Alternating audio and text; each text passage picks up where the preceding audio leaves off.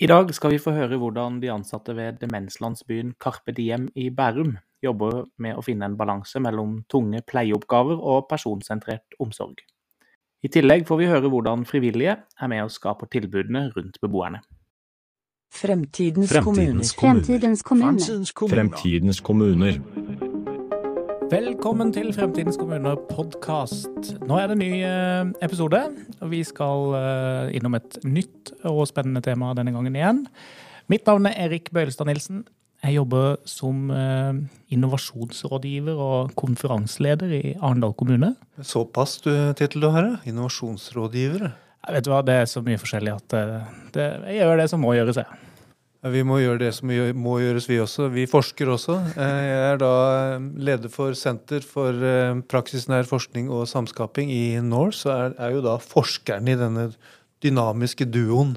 I dag skal vi snakke om demenslandsbyer, og vi har med oss eh, Maria Taivalsari Rønebekk, som er sosialantropolog og førsteamanuensis ved Høgskolen i Innlandet, HINN og som har vært en av forskerne i en studie som har fulgt utviklingen av demenslandsbyen Carpe Diem i Bærum kommune.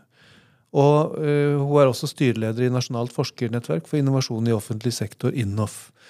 Og så har vi med oss uh, Kari Beate Jonsrud, som er tjenesteleder i Bærum kommune, og annet har hatt driftsansvar for denne demenslandsbyen.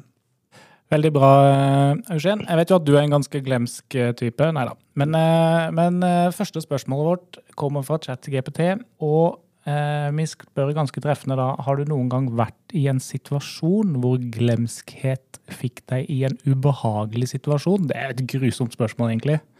Men eh, vær så god, Kari og Maria. Er det noen av dere som har vært i en situasjon der glemskheten deres har satt dere ut av spill?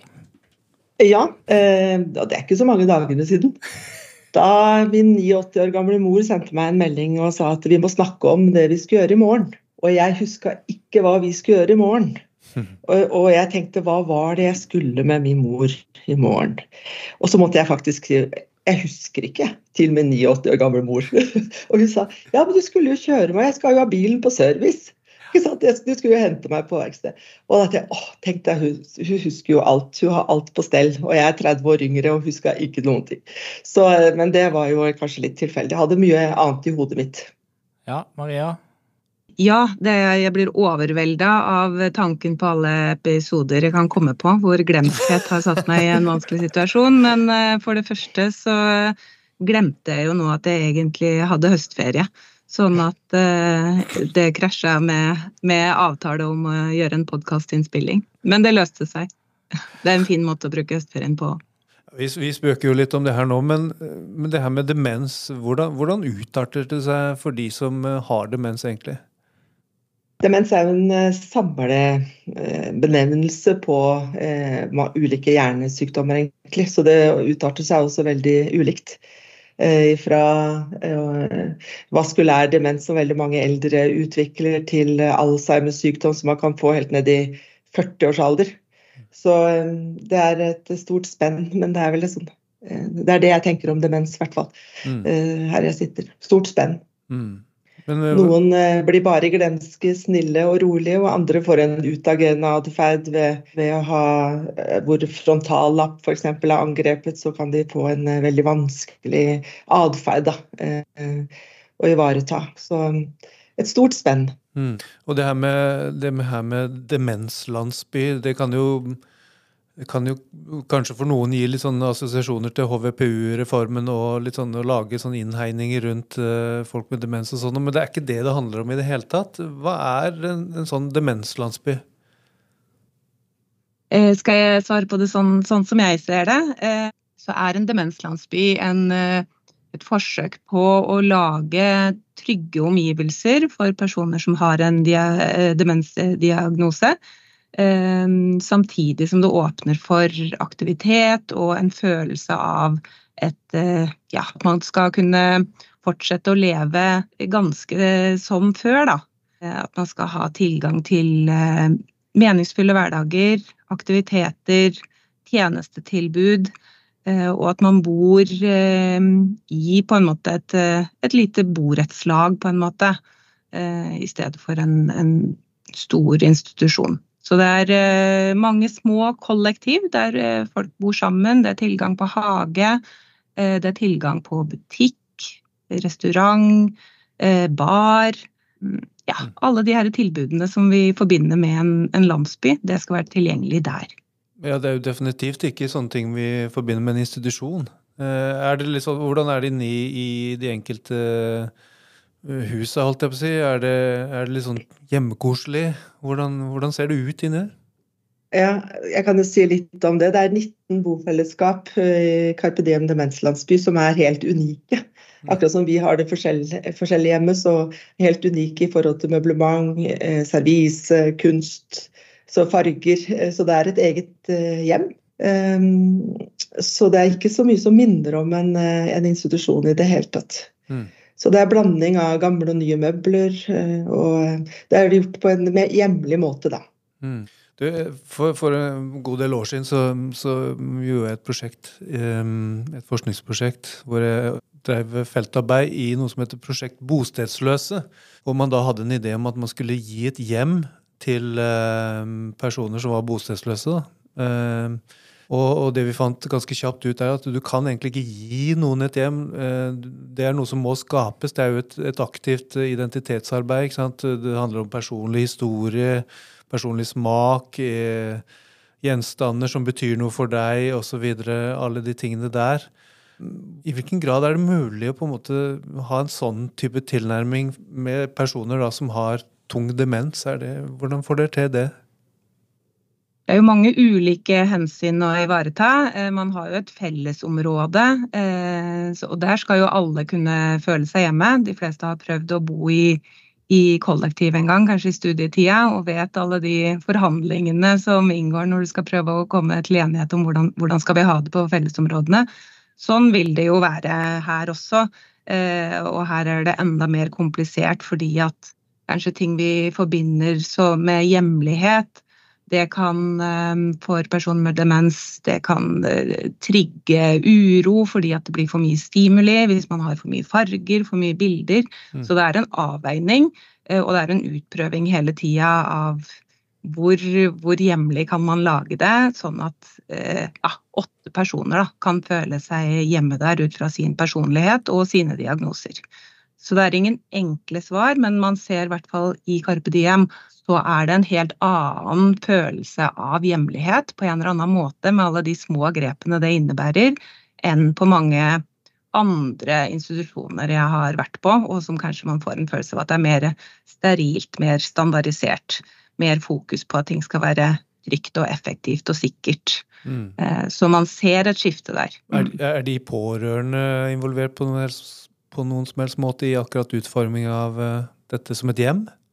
Eh, hver beboer har jo et stort eget rom, eller en liten pleier, jeg pleier å si leilighet, mm. Eh, med, eh, på ca. 30 kvadrat, tror jeg de er. Som de kan utforme med egne ting. De har, det er jo noe standard der, men, men veldig velferdsteknologiseng. En veldig teknologisk seng. og og nattbord osv., som er vanlig tradisjonelt. Men eh, ellers er det ganske stor plass til også å ha sine personlige ting. Da. Så da er det jo pårørende som vi samarbeider med, og som, som er med å utforme det sånn at det passer til eh, beboeren. Mm. Så de samarbeider mye med pårørende. Viktig ressurs. Mm. Og hele inspirasjonen til dette her kommer fra Nederland, har jeg forstått?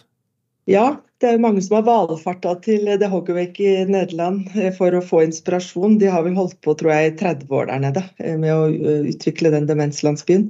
Men under helt andre forhold enn det som er i Norge. Nederland har vel er det 17 eller 19 millioner innbyggere på et, et lite land. Og de har jo bygget opp denne landsbyen så du bor sammen med de som du på en måte passer sammen med. Mm. Eh, arbeidere bor sammen arbeidere, høyere sosiale lag bor sammen. Eh, bønder bor sammen, og de har aktiviteter som er tilknytta hva de har gjort før. De har møbler osv. Så, videre, så det er liksom eh, dratt det helt ut i forhold til å tilpasse det eh, ønsker og behov og det livet du har hatt før. Mm. Eh, og I Bærum så er jo ikke det så lett, men de har, når de planla Carpe Diem, så har de jo gjort noe av det samme. da, Og tenkt at det, det skulle være et mål med at du skulle bo sammen med de som du trivdes med. Eh, nå er ikke de ulike gruppene av mennesker så forskjellige i Bærum, så, så, det blir mer at vi prøver at de som liker å være sammen, eh, får lov å være sammen. Eller bo sammen i samme enhet. Eh. Du, du, sier at, de, at, det har vært litt sånn mange som har valfarta til, eh, til nederlenderne. Ja. Og... Det som var spesielt, det var jo der sjøl en gang for mange år siden. Og det som gjorde veldig veldig inntrykk på meg, det var jo ikke at det var teater og pub der inne, men at faktisk det holdningsarbeidet som var gjort, altså, hold, altså at de personene med demens ble veldig respektert. De var, de var en del av det normale liv og, og ja, bli møtt med veldig høy respekt. da. Og du så ikke hvem som jobba der og hvem som var frivillig, og det alle, var ingen uniformer å se. Mm. Uh, ja, så det var, uh, ja, det var så normalt, da. Uh, så det var veldig fint å se den gangen, husker jeg. Mm. Men Maria, du har jo fulgt dette med, som forsker og har vært litt opptatt av at det foregår en slags oversettelse og tilpasningsprosess når denne innovasjonen spres fra Nederland til andre land. Hva slags oversettelser og tilpasninger har vært nødvendige med denne demenslandsbyen i en norsk kontekst? Jeg tenker eh, Det Kari snakker om her, det er egentlig et viktig element da, som, som, eh, har vært oversett, og som man fortsetter å oversette, er det her med, med livsstiler, som de kaller det i Nederland. Altså at eh, det er en sånn eh, grunnprinsipp eh, i, i Hogwake i at, eh, at, man skal tenke eh, grupper av beboere som ja, har felles interesser og som passer å, å bo sammen. Eh, jeg tror nok de har endra litt på det konseptet i, i, Nederland også, at det ikke er så liksom, sterke skiller mellom de ulike gruppene. Men når man skulle starte med å jobbe det her inn i oversette det da, inn, i, inn i Bærum, så var det mye diskusjoner. Hvordan skal det se ut her? Ehm, det er både praktiske hensyn og på en måte verdimessige hensyn som gjør at man ikke har eh, fulgt det opp på samme måten. Ehm, fordi at hvis du skal ha veldig sånne rigide kategorier av ulike livsstilsgrupper, så blir jo det vanskelig når du skal tildele plasser. Mm. Eh, har du en person som trenger plass og har rett på plass, så, så, må man få plass selv om man liksom ikke kanskje det er ledig i gartnergruppa, f.eks. Ja, det er liksom ikke helt eh, innafor den norske egalitære type samfunnet som vi ønsker å ha heller? da? Nei, så det er det andre sida av det, altså verdiaspektet at, at, det skurrer for mange, da, den her inndelinga i grupper og, og, litt sånn like barn leker best-tanken. Eh, som, eh, som, vi, som, kanskje ikke passer verdimessig, og som kanskje ikke gir mening fordi at eh, befolkningssammensetningen kanskje er mer homogen. da. Ehm, så det er, eh, det er, et element som har eh, vært jobba mye med. Hvordan skal man oversette det? Hvor mye skal man eh, tilpasse? Og i hvilken grad skal man beholde noe av det? Og det har jo noen vært opptatt av, at det er jo viktig å beholde litt av den tankegangen. Hvis ikke så er det en fare for at vi ikke klarer å egentlig innovere her, Det er skape noe nytt og, og hente den inspirasjonen fra Nederland som man tok utgangspunkt i i første omgang. Har det vært noen sånne helt spesifikke grep som man måtte gjøre eh, i, i Norge, som man ikke hadde i, i, Nederland i det hele tatt? Jeg vet ikke, kanskje litt det med uniformer, Kari. Mm. Det har jo vært noen runder på det.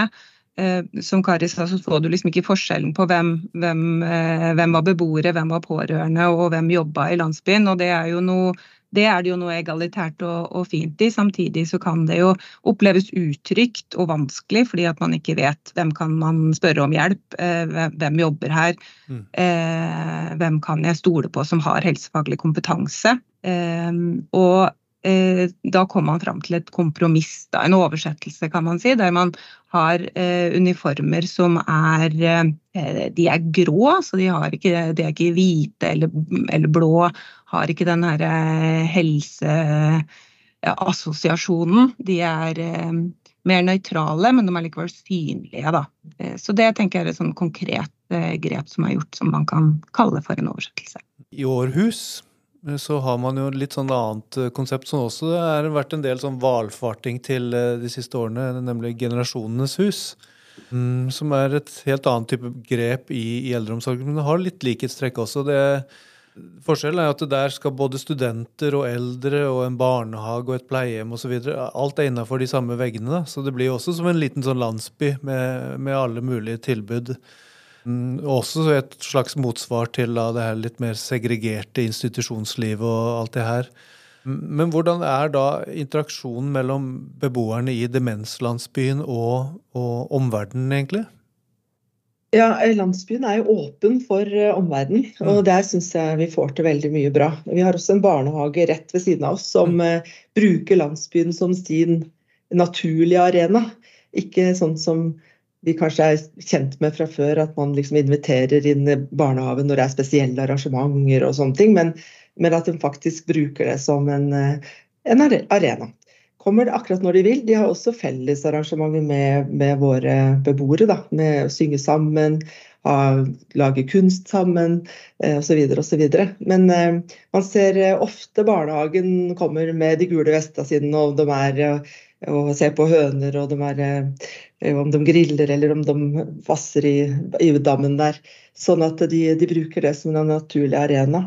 Ellers så har vi eh, et, et barsel, flere barselgrupper som har en sånn helsestasjon rett over gata. Så når de er ferdig med å være der og veie disse små, og sånn, så kommer de over i bistroen vår Mersmak og sitter der og drikker kaffe og, og ammer barna og sånn. Og beboerne går jo Og det med, med små barn og dyr og aktivitet, eh, sånn naturlig aktivitet, det skaper jo det veldig gode liv for beboerne våre. da. Mm. Så eh, i tillegg så eh, har vi jo en flott landsby med mange gode rom, så vi låner bort til de som egentlig ønsker å låne de, som også gir tilbake da, i frivillig innsats før de eh, får låne husrommene. Da. Mm. Eh, og har også inngått avtale, faste avtaler med bl.a. Svingklubben i Bærum, som har alle sine øvelser i vårt grendehus. Og tilbake så gir de fem fester i året for beboerne som de tar ansvar for. Så da får du en sånn delingsøkonomi, og det skaper liv i landsbyen. Eh, så, og det er liksom eh, ja, og så videre og så videre Mer videregående skole. Eh, ja, mange som bruker vår arena til å øve og trene og sånn, og lage liv da i denne landsbyen. Så da de beboerne som er på, på beina og, og, ute og vandrer, de har jo så klart stor glede av dette her, da. At det skjer så mye der. Så må jo, nevne, må jo, kanskje nevnes at det er eh, landsbyen har en kulturminister. Eh, oh, ja. Som jo er en fantastisk pådriver til å både være kreativ og få til ja, eh, alle de her arrangementene. Da. Bare det her med at det er et grendehus der som du kan leie til å ha bursdag eller konfirmasjon eller barnedåp. Eh, og den eh, ideen om at man ikke trenger å betale, men man betaler med å komme tilbake og gjøre, eh, lage et arrangement som frivillig. Det syns jeg er en ordning som, som, er veldig fin og imponerende å ha fått til eh, den måten å engasjere frivillighet på, egentlig, da. Eh, hvor du får en sånn vinn-vinn-relasjon. Det, det høres... Og pårørende også. Vi har jo også gjestekjøkken annet, så pårørende kan komme og lage søndagsmiddag sammen, si nære som bor der. Altså sånn at det er arenaer som pårørende også kan delta aktivt i til å skape det gode liv. Da. Eh, så, men man trenger jo en opplæring av pårørende. For eh, tradisjonelt så er du vant til når du har det inn på sykehjem at du kommer på besøk og sitter på rommet kanskje, og kanskje får en kopp kaffe. Men her ønsker vi jo at pårørende tar aktivt i bruk landsbyen, for det er jo mange områder som de kan eh, gjøre aktiviteter sammen med sine. Da. Så eh, vi trenger en, eh, en bedre opplæring av pårørende, faktisk. Eh, bredere opplæring. Har danna et brukerråd, en pårørendeforening nå, som er veldig aktivt med på tjenesteutvikling. Har også en venneforening, så, så vi begynner å få skapt de, de eh, hva skal jeg si, sammensetningen av folk som kan bidra til å utvikle landsbyen på en god måte. Det, det høres jo det høres jo eh, veldig enkelt eh, for godt ut til å være sant. Eh, det går jo ikke så lett. Eh, det er ikke sånn at dette bare smeller på plass. Eh, det tror jeg ingenting på. Alle som har noe som helst forhold til kommunen, vet at det er noen skjær i sjøen her. Jeg vet at det Blant annet så starta dere opp under korona. Dere møtte på en måte litt, litt stygt sagt, kanskje, men dere møtte jo veggen med en gang. Så, så, hva er liksom skjæra i sjøen på veien her for en normal kommune som ønsker å, å på en måte ta i bruk noe av filosofien? da? Ja, Vi anbefaler jo sterkt å unngå en pandemi når man skal åpne noe nytt. Så, for det, det, gjorde at det ble, ble jo mye å, å, rette opp i seinere. Vi, vi, jobber jo med det enda, og skal rette opp i det, på en måte den skaden, for å kalle det. det. eh Carpe Diem sto tom, og man hadde store utbrudd på sykehjem i, i kommunen. Og, sånn at det ble brukt til noe som, eh, som, ikke skulle brukes til, for å si det sånn, hvis man hadde gått etter planen. Eh, det det fører til, er jo Det har vært også lagt ned mange sykehjem i kommunen, og da eh, åpna Carpe Diem og et annet sykehjem som skal erstatte det. Carpe Diem er et flaggskip innenfor demensomsorg. Fremstår som et fantastisk flott bygg. Eh, jeg tror mange innbyggere, pårørende i Bærum kommune tenker at når jeg får min, min nære som får en demensdiagnose og, og eh, ah, på en måte må ha en 24 timers tjeneste, så tenker man at det er Carpe Diem som er stedet. 80-90 eh, av de som bor på sykehjemsplasser har jo en demensdiagnose.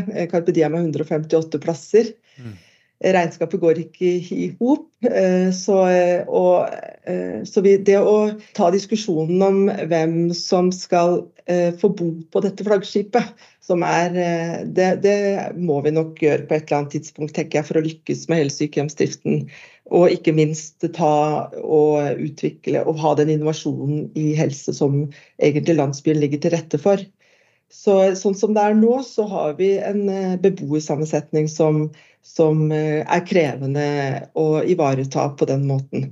Eh, kanskje for mange, da. Eh, selv om vi skal ta vare på alle, så klart. Men for mange bor i landsbyen som er tungt pleietrengende, og det blir vanskelig for ansatte også å ivareta både tunge pleieoppgaver, samtidig som skal på en måte drive personsentrert omsorg, miljøterapeutiske tiltak overfor de personene med demens som er unge. Helt ned til 50 år og som bor hos oss. Så, så det er kanskje det som, eh, som, er eh, vanskelig nå, eh, tenker jeg. Hvem skal, hvem skal landsbyen være for i framtida? Mm.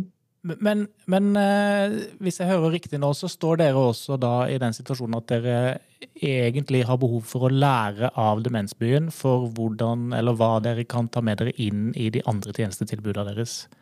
På samme måte som mange andre kommuner egentlig trenger å lære av deres demenslandsby for å trekke det inn i de kalde tradisjonelle tjenestene, de tradisjonelle tilbudene som vi tilbyr i, mindre kommuner og i andre kommuner. Får dere det til?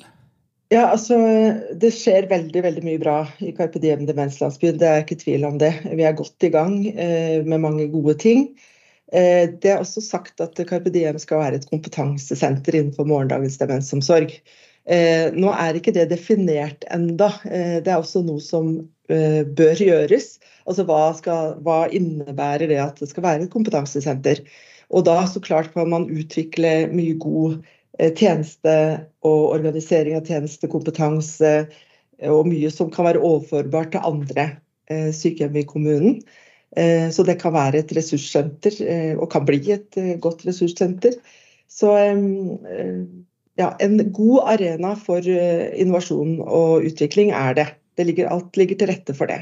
Nå er jo Bærum eh, også eh, både en stor kommune med en ok økonomi osv. Kan man Kan man se for seg at man kan bygge noen sånne landsbyer i en, en liten eh, kommune? Maria, du snakka om dette med oversettelser og tilpasninger osv. Hvordan kunne man gått frem for å gjøre det? Jeg tenker at det er flere alternativer på det. Det er klart man kan bygge, lage nybygg som ikke er så store som det her, eh, men eh, hvor man, hvor man har en mer Kanskje at det er litt mer intimt, litt mer hjemlig. At man fokuserer på de tingene i nybygget. Og så er det jo krevende fordi at det er et kostnadsspørsmål om man skal ha tilgang til hvem skal drifte hvis man skal ha en intern kafé eller en restaurant. butikk. Sånne ting er jo vanskelig hvis det er mindre skala. Det er vanskelig hvis det er stor skala òg, for så vidt. Men elementer av landsbytenkningen eller hjemlighetstenkningen kan man jo ta inn. Man kan også ta inn tenkningen eh, altså omsorgsfilosofien, den nye måten å jobbe på, som kanskje er mindre oppgavefokusert f.eks., inn i eksisterende bygg. Eh, og det viktige i landsbyarbeidet er jo kanskje det herre hvordan jobbe sammen da, om å endre praksis i tjenestene, jobbe kollektivt med det. Og det, det tar tid. Eh, det er vanskelig fordi det er litt ressurser, man skal rekke over mye. Nå snakka jo Kari litt om det her, altså det vanskelige med, med å få ressursene til å strekke til i forhold til det man ønsker å få til, og det presset man står i. Så i lys av det vi fortalte i stad om alt som er i aktiviteter, alt som gis av tilbud, all den kreativiteten som er der, som er kjempeflott, så er jo òg situasjonen sånn at eh, det er åtte i bokollektivene, og mange som eh, kanskje ikke kan være med på de aktivitetene. Både fordi at det, for, eh, det innebærer for mye stimuli, det blir for slitsomt, eller de kan ikke eh, bevege seg ute sjøl eh, trygt. Og da har man kanskje ikke ansatte som kan følge de. Da trenger man frivillige da, som kan bidra, f.eks. Så det er masse sånne utfordringer som ligger der. Og som ikke landsbyen i seg sjøl løser, men, men omgivelsene kan bidra til at ting blir litt lettere, da. Eh, hvis det overordna målet er å, å, skape mer meningsfulle hverdager og økt verdighet, rett og slett, da, i, i eldreomsorgen. Eller demensomsorgen. Jeg har et uh, siste spørsmål til dere. Koblingen forskning og utviklingen av et sånt et sted. Uh, hvor viktig har det vært, og hvordan har det fungert? Det prosjektet her, da altså Én ting er liksom selve demenslandsbyen. Eh, og så har vi hatt et eh, innovasjonsprosjekt gjennom Forskningsrådet eh, som da heter DEMSAM. Eh, der har høyskolen da vært med og hatt ansvar for forskningsdelen. Og forskninga har vært organisert sånn at vi har hatt et følgeforskningsdesign. Så vi har jo ikke studert effekter av landsbyen. Eh, det bør man også gjøre nå når den på en måte er eh, oppe og, og kan studeres på den måten. Vi har fulgt prosessen med å etablere den fra 2018. Eh, fulgt prosessen med å på en måte planlegge for livet i landsbyen involvering av aktører, bruk av tjenestedesign og kreative metoder for å få inn ulike stemmer da, på hvordan man kan lage nye typer tjenester. Og så har vi da videre fulgt det etter eh, oppstart. Hvordan er det de her eh, tjenestene fungerer i praksis? Både gjennom intervjuer og observasjon ute i tjenestene. Så vi har vært en slags sparringspartner da, for kommunen. Vi har ikke drevet prosessene, Eh, men vi har prøvd å forske med og ikke på, og hatt en tett eh, dialog hele veien. Eh, vi har opplevd at ja, Bærum har inkludert oss, hatt tillit til at, at vi kunne få tett innblikk i hvordan prosessene fungerer. Og det har jo gitt oss verdifull kunnskap da, som, som er viktig for at vi kan spre og formidle videre. Er dette noe kommunene burde gjøre mer av, Kari? Koblingen med forskningen? Ja, absolutt. Eh, viktig å ha med seg eh, forskere og kan, kan få fram noen fakta her i forhold til effekt osv. Og, så og noe som kan måles. Eh, og i forhold til bruk av kompetanse, det med fremtidens behov for å jobbe annerledes, så tenker jeg at det, alt ligger til rette for å invitere andre utradisjonelle fagfolk eller, eller ufaglærte inn i en sånn landsby og være gjerrig på bruk av kompetansen til de som er helsefolk. og og jeg tenker at det er et veldig godt svar på mange av de utfordringene som vi står overfor. Å skape de gode sosiale møteplassene inni disse landsbyene. Og, for jeg sier folk trenger folk, og ikke alltid en sykepleier. Noen ganger en sykepleier, men det å, å ha gode folk rundt seg, trygge omgivelser, det er veldig bra. Jeg tenker jeg skjønner at jeg og du skal flytte inn på et sånt sted lenge før vi får demens. Sånn fylt med aktivitet og kreativitet. Skal vi sitte der og lage podkast og litt musikkrom, kanskje? Og kanskje en klatrevegg? Jeg er med. jeg er med. Det er veldig bra. Tusen takk for at dere var med. Og uh, håper at dere der ute har lært mye, og at dere hører på oss igjen senere. Fremtidens, Fremtidens kommuner. Fremtidens kommuner. Fremtidens kommuner. Denne podkasten er et samarbeid mellom INNOF, Nasjonalt forskernettverk for innovasjon i offentlig sektor, Senter for praksisnær forskning og samskaping i Nors, og innovasjonskonferansen Fremtidens kommuner. Håper vi ser deg på innovasjonskonferansen Fremtidens kommuner i Arendal i juni. Hvis du liker podkasten vår, setter vi stor pris på om du abonnerer og gir oss en tilbakemelding i avspilleren. Har du forslag til gjester vi kan invitere? Send oss en e-post til post krøllalfa fremtidenskommuner.no.